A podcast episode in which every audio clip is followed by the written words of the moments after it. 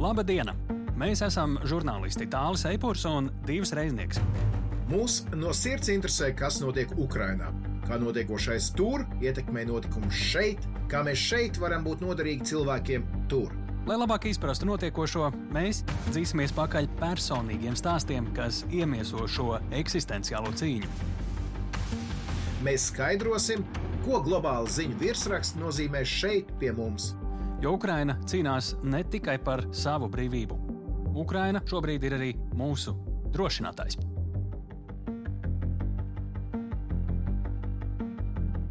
Sveiki, sveiki visiem! Sveiki, klausītāji! Sveiki, stāli! Sveiki, sakām arī divam reizniekam. Šis ir podkāsts, podkāsta otrais pieejams, otrā epizode. Joprojām esam jauni. Ja nu tu tā saki, tad jā. jā. Par ko šodien mūsu raidierakstā? Centrālais stāsts pavisam noteikti būs saruna ar cilvēku, kurš pats ir bijis iebrucēju gūstā, Krievu karaspēku gūstā vai arī šo separātistu gūstā. To tad arī uzzināsim ierakstu laikā. Ļoti tāds skaudrs stāsts par to, ko tas īsti nozīmē realitātē. Tieši tā, sadzinām rokā Ukrāņu vīru, kurš 88 dienas bijis gūstā. Tā skaitā ticis spīdzināts, bet gal galā veiksmīgi ticis atbrīvots. Uh, par ko vēl? Nu, vēl mums uh, šīs nedēļas aktualitāte, ko mēs izvērsīsim un arī izskaidrosim nedaudz plašāk, ir uh, Nobela miera prēmija. Ir paziņota tās saņēmēji.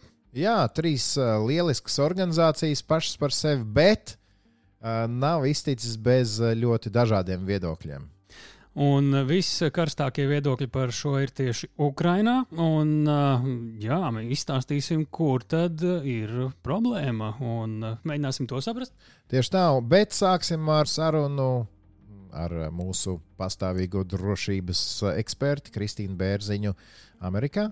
Jā, ar Kristīnu katru nedēļu trīs svarīgi temati. Viens vispār svarīgs, ko visi ir visticamāk nedēļas laikā pamanījuši, un tad kāds pārītis, kuri ir nu, varbūt ir mazāk novērtēti, bet kaut vai tuvākajā nākotnē var izšķirt ļoti daudz. Nu, ko, laiks uh, sazināties ar Kristīnu. Sveiki, Kristīna! Sveiki! Sveiki arī no manis! Nu, ko, šī nedēļa atkal ir atnesusi visai tādus iespaidīgus pavērsienus kara ritējumā, gan tādus it kā labus, gan diemžēl arī traģiskus, un tie liek uzdot jautājumus un arī meklēt atbildes. Un tas, ko mēs ar tevi, Kristīna, katru nedēļu darīsim, un arī tagad darīsim, ir koncentrēsim uzmanību mūsuprāt un tavuprāt uz trim zīmīgākajiem notikumiem vai faktiem, nu, mēģinot arī paskatīties uz tiem no tādiem mazāk dzirdētiem, bet ne mazāk svarīgiem leņķiem. Un sākumā īsi, vai mēs esam vienprātīgi par tematu numur viens - Krīmas tilts un tam sekojošie Krievijas triecieni. Protams, tie ir arī svarīgākie notikumi kara darbībā, un ņemot vērā, ka ir arī daudz dzīvību zaudētas Ukrainā attiecībā uz šo pretuzbrukumu no Krievijas, tad par to arī ir jārunā pirmajā vietā. Nu, tas, ko es gribu saprast, kā tad tulkot eh, šādu Krievijas teroru, tā ir tāda burtiska atriebība par Krimas tiltu vai varbūt eh, kāds slēptāks aprēķins. Vai arī ir pazīmes, kas liecina, ka tāds triecienu vilnis būtu sagaidāms tā vai tā, un gal galā kādu atbalstu tas varētu atstāt pasaulē un kādu iespaidu uz Ukraiņiem. Es te saliku veselu rindu jautājumu, bet sākam ar to mēģinam skaidrot to, kā šobrīd rīkojas Krievija. Krievija ar saviem uzbrukumiem pēc tilta sprādziena. Tie ir uzbrukumi, kas ir Kijevai un citām lielajām pilsētām, pat Ļivijai Harkivai. Krievija izrāda to, ka tā ir spējīga vēl joprojām terorizēt Ukrainas sabiedrību un slepkavot cilvēkus pat tagad jau ilgāku laiku mierīgajās Ukrainas rietumpilsētās. Tam sakars arī ar tilta sprādzienu, uzbrukuma tiltam, un, protams, tas tilta projekts ir ļoti svarīgs prezidentam Putinam, simboliski savienot Krīmu ar Krievijas sauszemi bet Krievija visu laiku ir spējīga bombardēt Ukrainas pilsētas. Un šis uzbrukums, pretuzbrukums vai vienkārši uzbrukums ir svarīgs tādēļ, ka tas turpina iebiedēt Ukrainas cilvēkus. Tas, ka tagad kaut kā tās kaujas veiksmes austrumos, nenozīmē to, ka Krievija ir bezspēcīga. Un tas atgādina tikai Ukrainas cilvēkiem to, Krieviju nevajag vēl norakstīt militārajos jautājumos. Ja nevar ar tankiem un ar karavīriem, tad vēl joprojām var varbūt ar uzlidojumiem veikt drausmīgas katastrofas. Bet tas ir Krievijas vēstījums, vai tas būtu jau secinājums arī mums? Man liekas, ka tas ir tāds. Krievija grib ar pārsteigumu efektu neļaut relaksēties ne Ukraiņiem, ne mums. Jā, tas ir secinājums, tajā pašā laikā tā ir pastāvīga stratēģija no Krievijas puses. Tas nozīmē, ka jā, ir saistīts un arī smuki izskatās no Krievijas viedokļa, un Krievijas tauta, kā apsties redz, ka visticamāk Ukraiņi uzpazināja tiltu, un tad Krievi tagad uh, uzlid, veic uzlidojumus pret Ukraiņas pilsētām tā kā atriebība. Bet to jebkurā brīdī var darīt. Tur nevajag tiltu vai kaut ko citu spridzināt, lai izraisītu tādu reakciju. Krievija jebkurā laikā ir spējīga tādā veidā uzbrukt Ukrainai. Kādas sekas pasaules attieksmei pret notiekošo varētu būt šiem Krievijas brutālajiem triecieniem? Ka vēl joprojām par Krieviju un Krievijas militārām spējām ir jāiesprikst. Tas ir īstenībā varbūt nav slikta lieta no NATO viedokļa, tāpēc, ka, jo, ja no vienas puses ir sarunas par to, kādā veidā jāpalielina aizsardzības budžetus un spējas, lai pasargātos no Krievijas, tad, kad Krievijai ir neveiksmes kaujas laukā, tad, kad viņi zaudēja iegūtās teritorijas Ukrainā, tad arī ir otra dziesma rietumu galvaspilsētās. Un tā dziesma ir tā, ka Krievija nemaz nav spējīga, Krievija ir švaka ka valsts militārā ziņā pārsteidzoši vāja, un tādēļ nevajag neko īpaši ieguldīt. Un, ja notiek tādi uzlidojumi, tad ir nē, nē, nē. Nevajag norakstīt Krieviju kā uzbrucēju, kā potenciālu draudu NATO teritorijām, un tomēr ir jāiegulda gaisa aizsardzības sistēmās un citos ieročos. Tas ir svarīgi. Un pirmos signālus mēs jau redzam gan no Vācijas, gan līdzīgi. Un, uh, manuprāt, uh, nu, kaut kādā ziņā, lai cik tas traģiski arī nebūtu, tas varbūt arī ir labi Latvijai, ka rietumi tiek uzturēti tādā tonusā kaut kādā ziņā un neatslāpst. Par šo tēmu pavisam skaidrs ir, ka Ukrāņiem gan tas uh, iedod tikai papildu stimulu pretoties vēl sīvāk un uh, vēl mērķiecīgāk, bet tas jau ir vēl cits stāsts, uh, par to pat šaubu nav. Bet uh, šajā kontekstā, redzot, ka cilvēki turpina mirt. Jā, bet nu, tu reāli to redz. Sociālajā mēdījos parādās Twitterī. Māma Ukrainā daktere aizveda bērnu, atstāja bērnu dārzā, iekāpa mašīnā, brauc uz darbu, uz slimnīcu un nomirst, jo notiek sprādziens, ir uzbrukums bērns paliek bez vecākiem, jo tēvs jau bija pirms sešiem mēnešiem miris. No vienas puses tā izklausās tā kā statistika. Atkal Krievija uzbruk, jā, jā, mēs esam jau redzējuši uzbrukumus gan Kievā, gan, gan Lvivā, austrumos, protams, bet tas ir kārtējais. Bet kārtējais uzbrukums, tas ir cilvēks, tā ir ģimene, kur zaudē savējos. Un ir ārkārtīgi svarīgi tomēr atcerēties, ka tas nav kaut kur tālu, un tie nav abstrakti cilvēki. Tie nav tikai skaitļi tās ir ģimenes, tā ir sabiedrība, tas ir kaut kas īsts. Tas tā ir. Mirst, diemžēl, Ukrainā šobrīd cilvēki tūkstošiem, ja ieskaita arī karavīrus abās pusēs, tā skaitā. Un to ļoti veikli izmanto arī tie, kuri saka, varbūt ir jāievieš pamieris, ko Ukraina nekādi šobrīd nevarētu saprast. Noklausīsimies vienu citātu no bijušā ASV prezidenta Donalda Trumpa. Ukraine with potentially hundreds of thousands of people dying, we must demand the immediate negotiation of a peaceful end to the war in Ukraine, or we will end up in World War III and there will be nothing left of our planet, all because stupid people didn't have a clue what they're dealing with, the power of nuclear. They have no idea what they're doing. Tātad Trumps piesauc potenciāli un jau zaudētas dzīvības, saka, ar steigu vajadzīgs pamieris un biedē ar trešo pasaules karu, kodolu karu. Un te mēs nonākam pie mūsu otrā lielā temata. Tas, ko e, tu pētniecis gaitās esi identificējusi, ka ar vienu pieaugs spiediens Ukrainai noslēgt pamieru ar Krieviju. No kurienes savu kājas šim spiedienam un eh, kādas būtu sekas, ja tas tiešām notiktu? Spiediens eh, sarunāt pamieru nāk no dažādām pusēm. Dzirdējām arī no prezidenta Trumpa, bijušā prezidenta Trumpa, ka būtu jāslēdz pamieru tajā pašā laikā prezidents Baidens arī ir izteicis to, ka ņemot vērā kodolieroču pielietojumu draudus, būtu arī jādomā, kā tagad prezidentam Putinam piedāvāt variantu iziet no situācijas. Off-ramp, nobrauciens no kara ceļa tas, ka prezidents Baidens arī par to jau sabiedriskā telpā runā, nozīmē, ka noteikti arī tad diplomātiskajos ceļos ir sarunas par to, cik ilgi turpināt un kā atrast pareizo līdzsvaru starp tagad Ukrainas pretuzbrukumiem un, un teritorijas atgūšanas veiksmēm un lielākiem kodolieroču un trešā pasaules kara bailēm.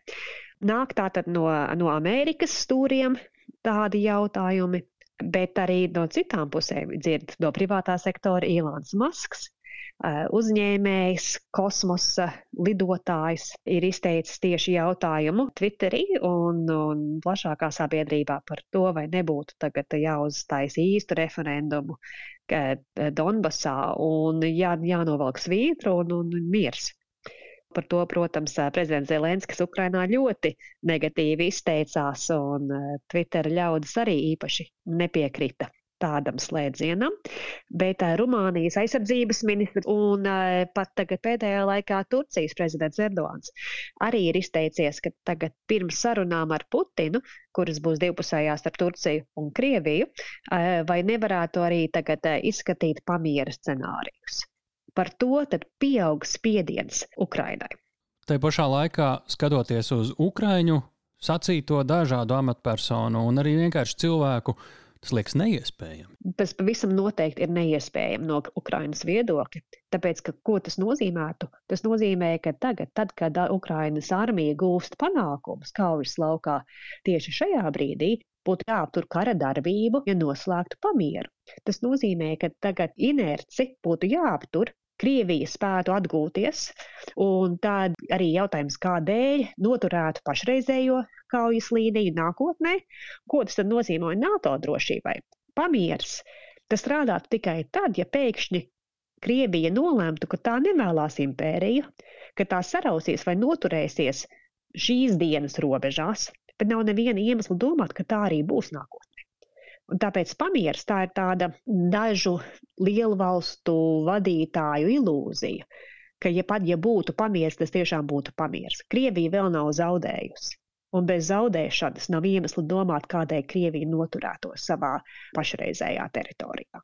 Līdz ar to Es pieļauju, ka tie ir pietiekami viedi vīri, vai vismaz ar labiem padomniekiem. Erdogans, Baidens, turpat Rumānija blakus esošā visu lieliski redz. Kāpēc šādi signāli, zinot, cik tas ir nereāli? Pieļauju, ka viņi zina. Vēlās varbūt būt optimistiski par to, ka karš varētu arī kaut kad noslēgties. Tomēr sabiedrības arī ir satraukušās par kodolieroču draudu.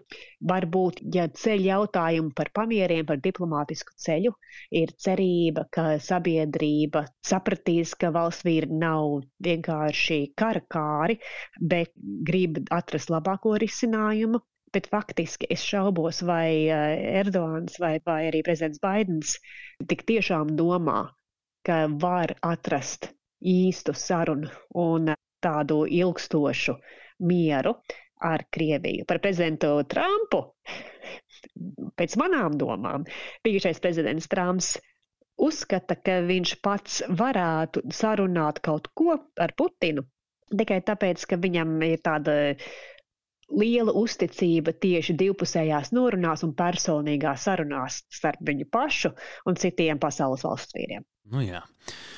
Nu, ko, un viena lieta, kas mums izriet no iepriekšējā temata, un šis ir mūsu trešais temats, es sākšu ar nelielu atsaukšanos ar vienu bēgli tepat Latvijā no Ukrainas un uz jautājumu, vai un kad viņa domā atgriezties mājās, jo ļoti grib atgriezties mājās. Viņa atbildēja, daudzi bēgļi gaida ASV kongresa vēlēšanas. Ja nemaldos, novembrī tās ir. Ja? Un viņi gaida bažās, ka tur varētu uzvarēt spēki, kas ir pret tik apjomīgu ASV militāru atbalstu Ukrainai, kāds tas ir tagad. Cik liels pamats ir šādām bažām eh, gan Ukrāņu bēgļiem, gan uz visiem pārējiem, ka varētu mainīties līdz ar šīm vēlēšanām ASV atbalsts? Ir iemesls bažām nevis tagad mēneša jautājumā līdz kongresa vēlēšanām, kuras būs eh, novembra sākumā, bet eh, divu gadu jautājums, tas ir līdz prezidenta vēlēšanām. Ja skatās, kāds ir kongresa sastāvs pašlaik un kā tas varētu būt pēc vēlēšanām, tie, kas atbalsta Ukrainu, tie, kas atbalsta NATO, būs vienalga pie varas. Šobrīd tie, kuri uzskata, ka Amerikai būtu jāieņem vairāk izolācijas politiku un jāturās prom no pasaules kariem un no konfliktiem, tie ir mazumā. Īpaši ļoti nozīmīgajā senātā. Tās balsis ir ļoti lielā uh, mazākumā, bet uh, apakšējā palātā tās nedaudz pieaug. Iemesls kādēļ ir tas, ka prezidents Trumps bieži pārstāv un arī slavē šādu izolācijas politiku.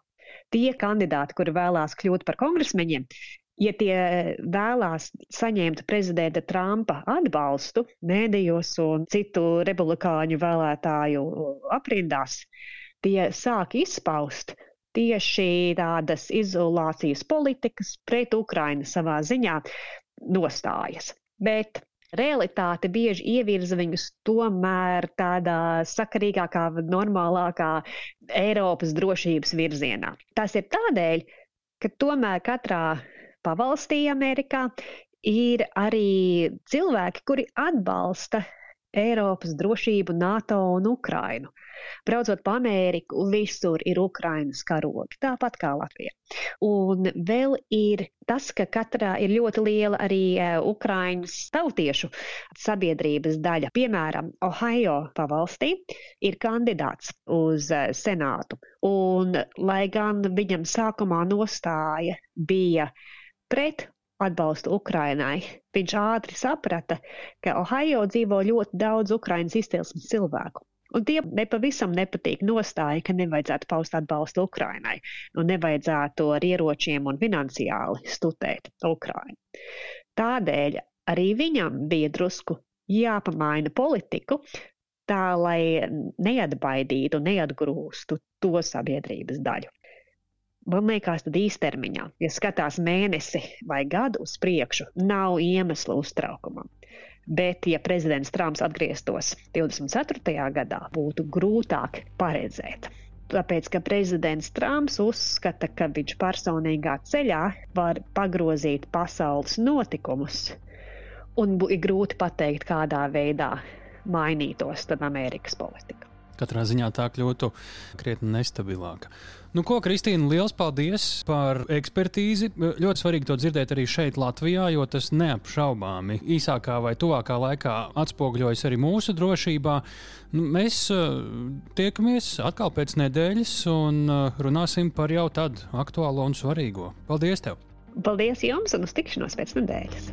Paldies Kristīnai par uh, ieskatu un skaidrojumu. Tā bija Kristīna Bērziņa, Maršala fonda un nu jau arī mūsu podkāstu drošinātājs eksperte. Nu, ko bija nedaudz tā nomierinoši. Tā būtu jāsaka, to, ko secināja Kristīna attiecībā uz amerikāņu palīdzēšanu vai uh, nepalīdzēšanu. Man prieks, ka viņa, tu varēsi nomierināt savu ukrāņu paziņu šeit, oh, Latvijā, bet tas, uh, manuprāt, ir arī ļoti svarīgi, un to droši vien arī apzinās Ukrāņi, ka šis varētu būt viens no tiem brīžiem, kad būtu labi izdarīt visu, ko var izdarīt ar esošo situāciju, un esošiem ieročiem un esošo palīdzību, jo pēc diviem gadiem šis te, uh, palīdzības apjoms varētu krietni sarukt.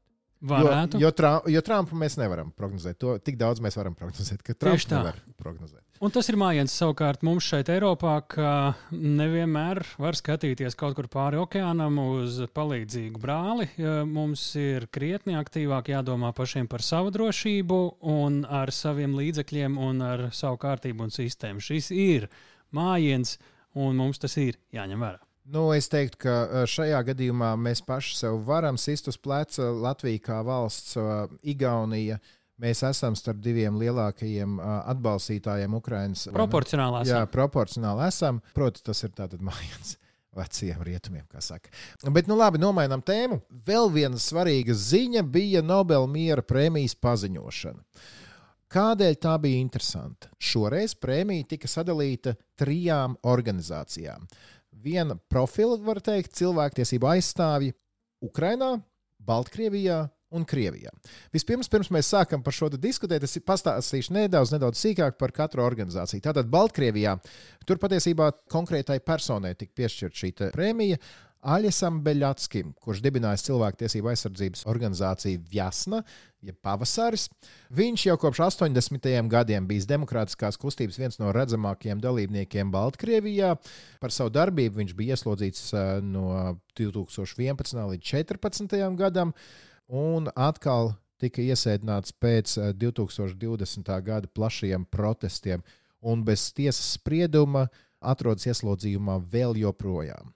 Atceros, ka Viesnatieši bija organizācija, kur apkopoja visaktīvāku informāciju par visiem aizturētajiem un tā tālāk un tā joprojām. Politieslodzītiem, jā. Tieši tā. Krievijā. Krievijā cilvēktiesību aizsardzības centrs memoriāls tika apbalvots. Tas tika izveidots 89. gadā ar mērķi e, saglabāt komunistiskā režīma upuru piemiņu. E, bet pēc PSRS sabrukuma memoriāls kļuva arī par e, lielāko cilvēktiesību aizsardzības organizāciju Krievijā. Īpaši slavens kļuva Čečenijas kara kontekstā. Un Kremlis šo organizāciju likvidēja pagājušajā gadā. Viņi nu patās ir arī uh, tikuši iztiesāti un aizvērti. Un kas tur vēl? Jā. Ļoti nērti cilvēkam Kremlī, kurš pats nāk no drošības iestādēm un kura iestādes noziegumu šis memoriāls arī ir aprakstījis un iemūžinājis. Absolūti. Šīs abas organizācijas ir ļoti, ļoti, ļoti labi zināmas cilvēkiem, kas kaut nedaudz seko brīvības cīņām abās šajās valstīs. Bet nu nonākam līdz Ukrainai. Arī Ukraiņas organizācija tika uh, apbalvota ar uh, Nobela miera prēmiju, un šī organizācija ir Pilsonisko brīvību centrs. Uh, viņi kopš Krievijas iebrukuma ir dokumentējuši Krievijas pastrādātos kara noziegumus Ukrajinā. Organizācija tika izveidota 2007. gadā ar mērķi veicināt cilvēktiesības un demokrātiju Ukrajinā. Proti, viņi ir tie, kas uzskaita fiksētos noziegumus, uh, karnoziegumus, cilvēku nolaupīšanas, nelegālus arestus un tā tālāk un tā joprojām. Tātad visas organizācijas it kā ir labi zināmas, ilgi darbojušās. Vesnā un memoriāli ir uh, viņu šīs konkrētās valsts režīma apspiestas. Pilsonisko brīvību centram savukārt jāstrādā ir kara apstākļos, kas tiek uh, veikts no abu šo pārējo organizāciju bāzes vietām vai pārstāvētajām valstīm. Klau, nu, izskatās viss uh, pamatoti, loģiski. Kur problēma? Ukraiņi to redz. Jā, un tā ir problēma, par ko varbūt šeit mēs Latvijā, vai Nobela komiteja, vai, vai, vai uh, cilvēki rietumos uh, gluži vienkārši neaizdomājas. Piemēram, ļoti respektēts neatkarīgs izdevums Kijavā, Kijava Independent, izdevums angļu valodā, pēc Krievijas iebrukuma 24. februārī guva milzīgu sekotāju pieaugumu un, un sevi nav kompromitējis. Šī izdevuma galvenā redaktore Olga Rudenko mēģina paskaidrot, kur varētu būt problēma. Viņa saka, ka šādi te apbalvojot organizācijas no Baltkrievijas, Krievijas un Ukrainas, varētu tikt turpināts tas narratīvs, uz ko strādā Putins. Proti, ka Krievija un Ukraina Tas ir kaut kas viens. Nelieciet mūs vienā maisā ar Krieviju. Pat ja tas ir šāda te pasākuma kontekstā. Pat ja tur ir mūsu draugi arī. Jā, mums ir mūsu cīņa, mums ir mūsu ceļš, viņiem ir savējais. Un, un, un tas ir kaut kas tāds, droši vien, ko mēs vienkārši nespējam aizdomāties. Tāpat tās, piemēram, kad ziņās šajā nedēļā mēs dzirdējām, lūk, Krievija atbildēja ar šo masīviem raķešu triecieniem pa Ukrainu, atbildēja uz uh, uh, Ukrāņu triecienu Kerčs tiltam. Uh, šis narratīvs liek domāt, ka Ukrāņi vien paši ir vainīgi, ka viņi uz, uzšāva pa Kerčs tiltu, nu tad arī saņēma to, ko bija pelnījuši. Šis ir tas, par ko varbūt uh, vajag aizdomāties un, un, un mēģināt būt, uh, sajusties, kā to Ukrāņi varētu uztvert. Te varētu trīsreiz atkārtot, Ukraina nav Krievija, Krievija nav Ukraina, Ukraina nav Krievija un vēl vairākas reizes. Šo daudzi, daudz viet joprojām uztver kā vienotu kaut kādu telpu, un Ukraiņiem ir ļoti svarīgi, lai tas būtu ar vien mazāk un mazāk. Un jāsaka tā, varbūt pat labi, ka viņi šādā veidā dabūja to prēmiju, jo tas iedeva viņiem vēl platformu to vēlreiz uzsvērt. Jā, tieši tā. tā, tā tāpēc arī mēs par šo, to šeit runājam, un citā, citkārt varbūt nerunātu. Bet, lai pieliktu punktu šai diskusijai, Es gribētu nocitēt Aleksandru Matvīčuku, kur ir uh, Ukrāņu uh, Pilsoniskā brīvība centra, tātad Nobela laureāta um, vadītāja. Viņa abas šīs organizācijas no Krievijas un Baltkrievijas nosauca par draugiem un partneriem. Pēc tam, kad šī ziņa bija izskanējusi, un pie tā tad arī paliksim. Jā, bet tu kā teici to, ar ko tad nodarbojas šī Ukrāņu organizācija vispār. Bet uh, mēs raidām šodien, šonadēļ, uh, cilvēki klausās tagad. Ko viņi tagad dara? Zinu, ko par to, lai pasaka uh, Mihails Sava, kurš ir Ukraiņas Pilsonisko brīvību uh, centra pastāvīgais eksperts. першу чергу це проблема civilnih. Aktuālākā ir Ukrainas civiliedzīvotāja problēma, kurus Krievijas okupācijas armija pēc būtības ir izzagusi no Ukrainas teritorijas, atņēmusi brīvību un šobrīd atrodas gan okupētajās teritorijās, gan Krievijas federācijā, cietumos, izmeklēšanas izolatoros un citās vietās. Pēc starptautisko cilvēktiesību normām civiliedzīvotāji nav kara gūstekņi, tādēļ viņiem būtu jābūt atbrīvotiem. Taču Krievija stūrgalvīgi negrib to ievērot, tādēļ mums ļoti vajadzīga starptautiska uzmanība šiem jautājumiem не хоче цього робити, і нам дуже потрібна міжнародна увага. Nu, ko pietiekami precīzi un īsi un kodolīgi par to, ko šobrīd dara Pilsonisko brīvību centrs Ukrajinā, viens no trim Nobela miera prēmijas šī gada laureātiem. Šis ir lielajos virsrakstos, bet mēs ejam dziļumā. Mēs atradām vienu cilvēku, kurš 88 dienas ir bijis uh, Krievijas gūstā, zaudējis šajā laikā 15 kg. Uh, tas ir Igors Talalais no Dņepras. Viņš uh, 24. februārī jau esot devies uz kara komisariātu veselības problēmu dēļ, gan viņa dienestā nepaņēma, tādēļ viņš pieteicās teritoriālās aizsardzības vienībā un sāka nodarboties ar uh, brīvprātīgo darbu, vedot humāno palīdzību un uh, vedot ārā no Harkivas civiliedzīvotājs. Kā viņš nokļuva gūstā, kas ar viņu notika, kāpēc viņš tur bija un kā viņš tika laukā, par to mūsu sarunā. Nu, lūk, pirms mēs klausāmies šo sarunu, es atgādināšu, ka jūs varat izvēlēties. Tagad jūs viņu dzirdēsiet atkarībā no jūsu izvēles, vai nu oriģinālā valodā, vai nu, kā jau Latvijas radio viens podkāstam ar nosaukumu drošinātais pieklājas ar tulkojumu. Tur, nu, skatieties failu nosaukumā, tur jūs varat tikt pie īstā. Liels paldies, ka piekritāt sarunai. Ja varētu īsumā pastāstīt par sevi un ko darījāt pirms 24. februāra. Мне 25 лет, меня зовут Игорь, живу в Днепре. Man ir 25 gadi, mans vārds ir Ihors un dzīvoju Dņipro, Ukrainā. 24. februārī biju darbā, montējām korpusu mēbeles, virtuves iekārtas, veikalu vitrīnas. Nodarbojāmies ar mazo uzņēmēju darbību, bijām komandējumā Harkivā. Tā ir pilsēta pie Krievijas robežas, kur sāka bombardēt. Граница с Россией. Saprotu, ka kādā brīdī jūs nokļuvāt gūstā? А, Да, Jā, kādā dzīves brīdī es nokļuvu gūstā. собственно. Izstāstiet, kā tas notika un kāpēc. Tā, mēs ieradāmies na evakuāciju uz Mariupoli. Mēs braucām evakuēt э, cilvēkus no Mariupoles. Pirms tam mēs evakuējām cilvēkus no Harkivas, tad braucām uz Mariupoli, lai izvestu civilos no turienes.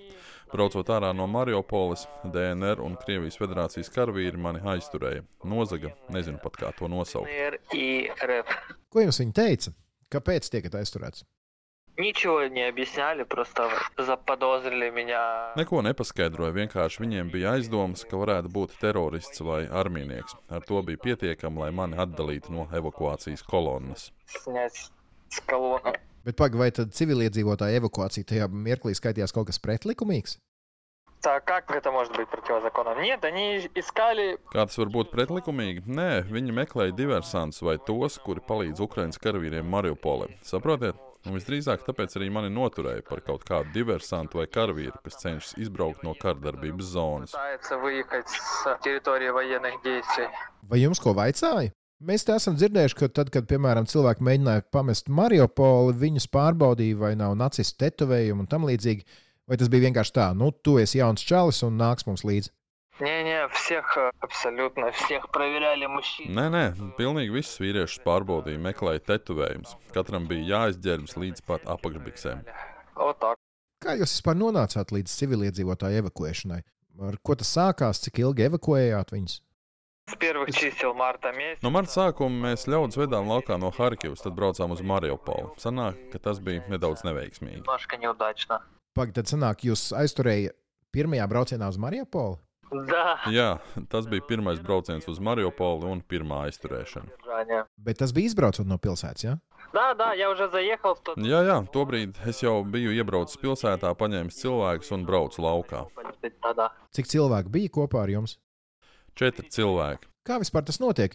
Jūs iebraucat pilsētā, nu, es nezinu, prasat pirmajam pretimnācējam, vai kāds grib izbraukt? Kā tas notiek? Nu, kā takovai organizācija nebija. Tas process nav kaut kā organizēts. Ja spējat iedomāties, ko nozīmē okupēta pilsēta kara darbības zonā, tad sapratīsiet, ka tur organizatoriski pasākumi nav iespējami kā tādi. Mēs vienkārši kolonnā iebraucām pilsētā un tālāk jau katrs dara, ko var. Ziniet, paldies Dievam, pie mums Latvijā varbūt tikai ļoti veciem cilvēkiem ir kaut kādas atmiņas par to, ko nozīmē okupēta pilsēta. Ko tas nozīmē? Что значит оккупированный город? Это когда вооруженные люди Ko nozīmē okupēta pilsēta? Tas ir tā, ka bruņoti cilvēki var tevi nošaut jebkurā mirklī. Jebkurā mirklī var atlidot šāviņš. Tu nekādi nevari kontrolēt situāciju, kurā atrodies. вокруг тебя, ты можешь только надеяться на... Vari paļauties tikai uz kādu brīnumu, ka tevi gabalos nesaraus kāds sprādziens. Pie reizes nepārtraukti pastāv iespēja nokļūt pa vidu apšaudē. Tas var notikt elementāri. Под обстрел там, ну, это вообще можно элементарно. Zinot to visu, kādēļ tur braucāt?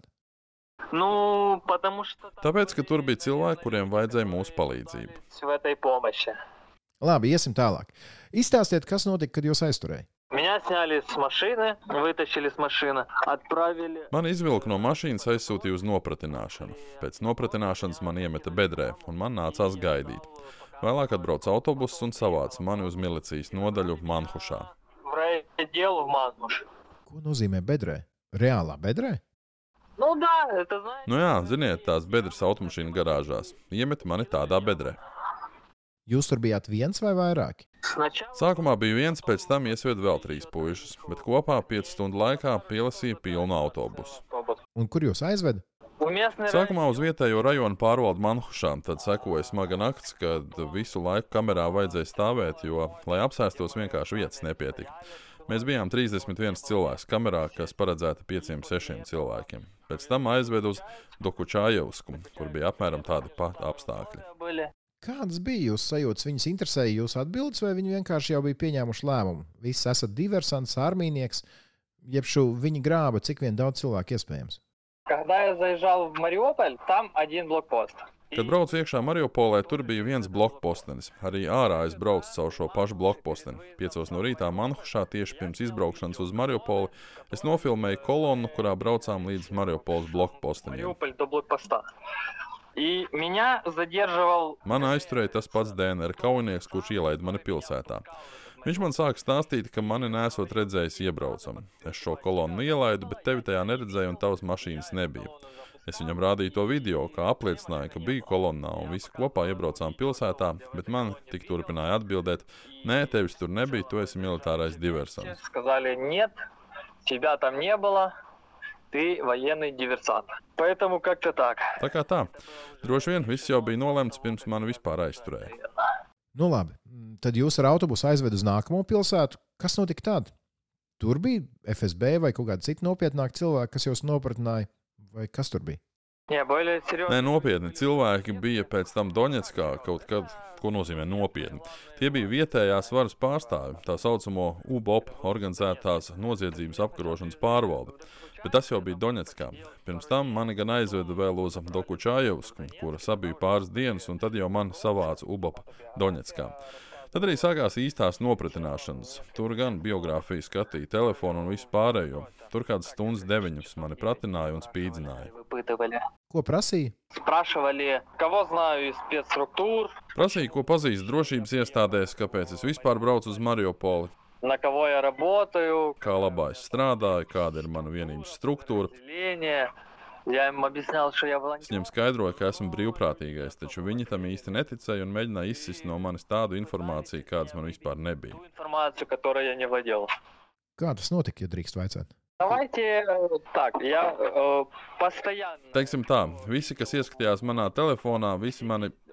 Ja, oi, gribēju teikt, sita. Visi mani fiziski un morāli ietekmēja, tā izsakoties, pieticīgi. И- Если мягко так сказать. Nu, sakiet, kā ir. Да, на каждом этапе применяли физические воздействия на меня. Ja? Katrā posmā es tiku fiziski ietekmēts gan Dokučājovskā, gan Manhušā, gan arī jau pirmajā aizturēšanā. Kāpēc? Психически неуравновешенные люди, они считают нас врагами, они считают нас э, нацистами, фашистами. Psihiski nelīdzsvarot cilvēki. Viņi uzskata mūs par ienaidniekiem, viņi uzskata mūs par nacistiem, fašistiem. Kā jūs, piemēram, ticat demokrātijai un vārda brīvībai, tā viņi patiešām tic, ka esam fašisti un viņi ir atbraukuši, lai aizsargātu krievulodīgos iedzīvotājus no fašisma. Kopumā skatoties, kāpēc viņi tā dara, jo uz viņiem nostrādā propaganda. Tāpēc, ka, tāpēc, ka viņi var atļauties to darīt, tā ir nesodāmības sajūta. Там 14-15 лет с автоматами. Вот они просто не выросли еще с этого возраста. Viņi uzvedas kā pusauģi, kā 14, 15 gadnieki ar automātiem rokās. Viņi vienkārši mentāli nav izauguši no šī vecuma. Tie banāli ir pusauģi, kuriem piestāstīts pilnas ausis, un tagad viņi skraida apkārt ar automātiem, iedomājoties, ka ir kādi varoņi.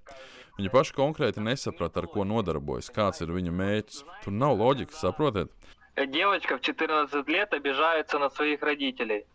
Tas ir kā tad, kad 14-gadīga meitene apvainojas ar vecākiem. Kāpēc viņa apvainojas? Neviens nezina. Vienkārši pārējais vecums. Emocionāli nestabils cilvēks. Apmēram tas pats ir arī šo cilvēku galvās. Viņi ir emocionāli nestabili un loģiku viņu darbībās nav iespējams apspriest. Вообще, ну, невозможно отследить. Jūs minējāt, ka 9 stundas jūs nopratinājāt spīdzinājumu. Kā tas beidzās? Закончилось-то перевод. Beidzās ar to, ka mani pārveda uz Olenivku. Tas ir tur, kur šobrīd azoviešus tur. Ah. Kādi tur bija apstākļi? После Донецка было просто тяжело находиться, потому что Pēc Donetskas posma tālāk bija vienkārši ļoti grūti. Vispār jau kopš paša aizturēšanas sākuma mums īsti nedēļa nēst, ne dzert. Nekā nebija, saprotiet? там, пить не давали, ничего не было. Было постоянное чувство голода. Bija pastāvīga bada sajūta. Nekāda vērtība arī nebija. Ne tolets, ne sakaru, ne matraču, ne spilvenu. Не было ни матраса, ни подушки. Gulējām uz grīdas, uz plika betona vai paletēm, taču arī tās visiem nepietika. И то палетов не всем хватало. Cik jūs tur bija? На Еленовке было Olenivkā kamerās bija no 25 līdz 50 cilvēkiem. Vienā kamerā? Da. Jā, barakās savukārt bija no 150 līdz 250 cilvēkiem. Kas bija šie cilvēki? Vispār bija ļoti dažādi cilvēki, gan parastie civilie, gan brīvprātīgie, tāpat arī bijušie armijnieki un esošie karavīri. Var teikt, ka pilnīgi visi, visi, visi. военные. То есть прям все-все-все, кого... Visi, kurus aizturēja, izņemot spēcvienību dalībniekus, azoviešus un tam līdzīgi. Viņu tur nebija, bet visi pārējie bijām kopā. Айдар, Азов, их не было. А все остальные были с нами. Там не только молодые парни, Un там tie nebija tikai jauni puiši, tur bija arī 50, 60 gadīgi. Zinu arī cilvēku, kam bija 72 gadi. Viņi vāca visus pēc kārtas, kas patika, nepatika, savāca visus.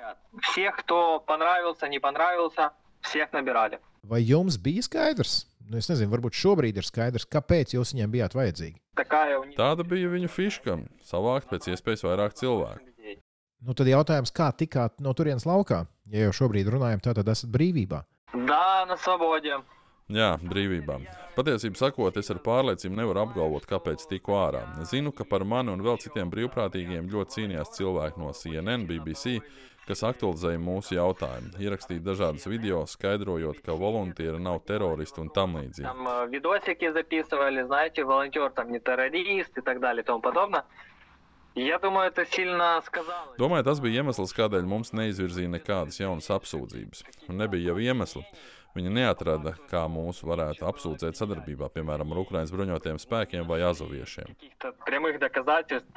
Каких-то прямых доказательств, э, которые бы говорили про то, что мы там кому-то чем-то помогаем, там э, ЗСУ, например, да, или там, Азову. Kopā ar jums atbrīvoja lielu grupu.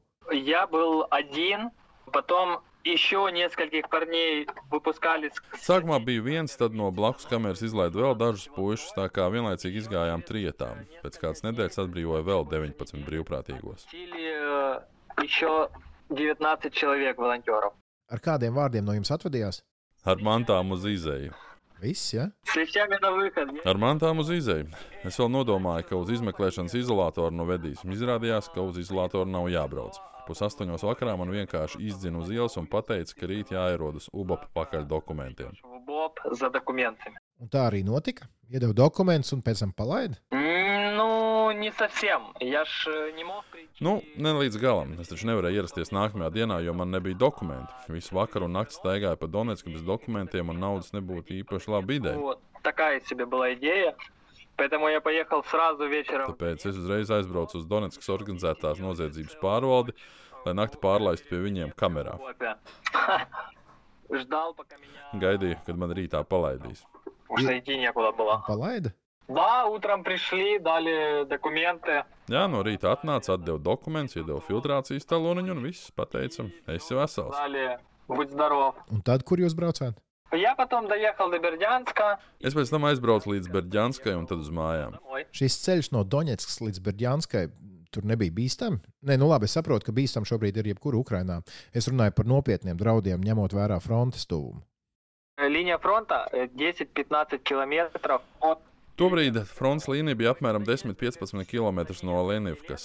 Kad iepriekš mēs braucām no Donetskas uz Lenivku, mūsu konvejējošie karavīri savā starpā runāja, ka vairāk šoferi bija atteikušies braukt pa šo ceļu, jo tas regulāri tika apšaudīts. Bija pavisam reāli, ka mēs kā gūstekņi neaizbrauksim no punkta A līdz punktam B. Bija tāda iespēja un draudz, ka arī tagad mūs varētu apšaudīt. Nu, apmēram tāda tā bīstamība bija. такая опасность была. Pēc atgriešanās mājās jūs vēl esat jebkā iesaistījies kādās aktivitātēs, piemēram, volunteeru kustībā, vai arī ar šo gūstu jums karš ir beidzies?